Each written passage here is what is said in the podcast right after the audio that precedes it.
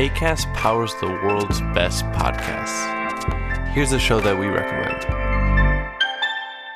Hey guys, welcome to Giggly Squad. a place where we make fun of everything, but most importantly, ourselves. I'm Paige DeSorbo. I'm Hannah Berner. Welcome to the squad. Giggly Squad started on Summer House when we were giggling during an inappropriate time. But of course, we can't be managed. So we decided to start this podcast to continue giggling. We will make fun of pop culture news, We're watching fashion trends, pep talks where we give advice, mental health moments. and games and guests. Listen to Giggly Squad on ACAST or wherever you get your podcasts.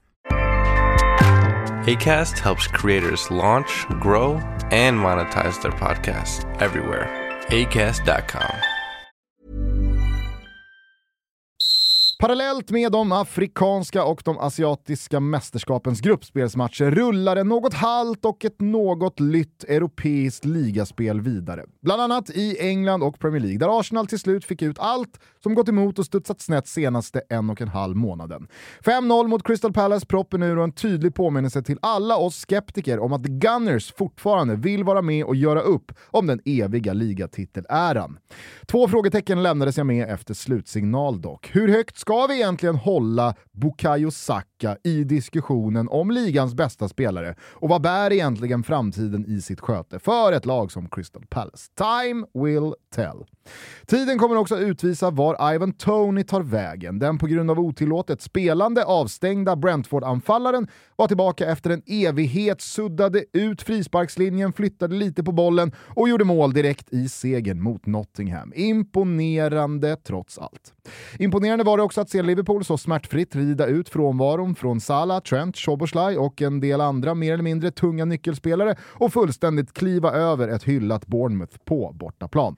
Vi tar även med oss 2-2 mellan Sheffield United och West Ham och konstaterar efter slutsignalen på Bramall Lane att Jonas Dahlqvists favoritlag kommer spela Championship-fotboll nästa säsong och att Moyes Hammers inte kommer hänga med de Europajagande lagen allt för länge. På tal om Europajakt så är det bara en Champions League-plats up for grabs i Italien och Serie A. Detta då Milan och Juventus i helgen gjorde vad de gjort hittills under ligaspelet 2024, nämligen att vinna. Och det är nu ett enormt glapp, 11 pinnar, ner till fjärdeplatsen och Fiorentina. Ytterligare fem lag finns inom tre poäng från de lila. Lazio är i bäst poängsamlarform, men väldigt många kommer att ha fokus på Daniele De Rossis Roma den närmsta tiden. Det började ju så bra hemma mot Hellas Verona, men avslutades så svajigt och så skakigt. Mycket kan man kalla 2-1-segern, men övertygande är inte ett av adjektiven som ligger närmast till hands.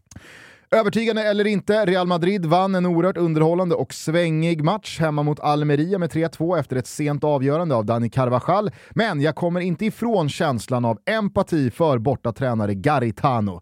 Tveksam straff, ett bortdömt avgörande 3-1 mål och ett eventuellt handsmål från Vinny Junior som fick stå fram till kvittering. De tankar Garitano tänkte igår längs sidlinjen, de var inte ljusa. Och det röda kortet var säsongens mest logiska och säsongens mest givna. Logisk var också Gironas bekväma vändning hemma mot hopplösa Sevilla efter bland annat hattrick av en av alla nya serieledarstjärnor på La Liga-himlen, Artem Dovbyk. Här hemma i Sverige så känner vi ju Dovbyk sen han sänkte oss i förlängningen av EM-åttondelen 2021. Men för den breda massan så är det nu en hittills väldigt anonym 26-årig ukrainare som delar skytteligaledningen med Jude Bellingham efter tre strutar igår.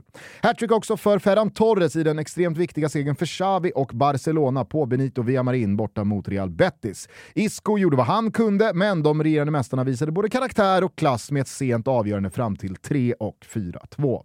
Och just karaktär och klass är väl de ord jag skulle vilja avsluta svepet med. För Xabi Alonsos Bayer Leverkusen har nu sju poäng ner till Bayern München i toppen av Bundesliga. Förvisso med en match mer spelad, men då Bayern i det här läget förlorar hemma mot Werder Bremen, fuck Bremen, med 1-0 och Bayer Leverkusen hämtar upp och vänder underläget till seger borta mot ett högklassigt Leipzig. Då tycker jag faktiskt att styrkeförhållandena nu talar för Xabi Alonsos gäng. De är Tysklands bästa lag och de kommer i vår att krönas till det. Punkt.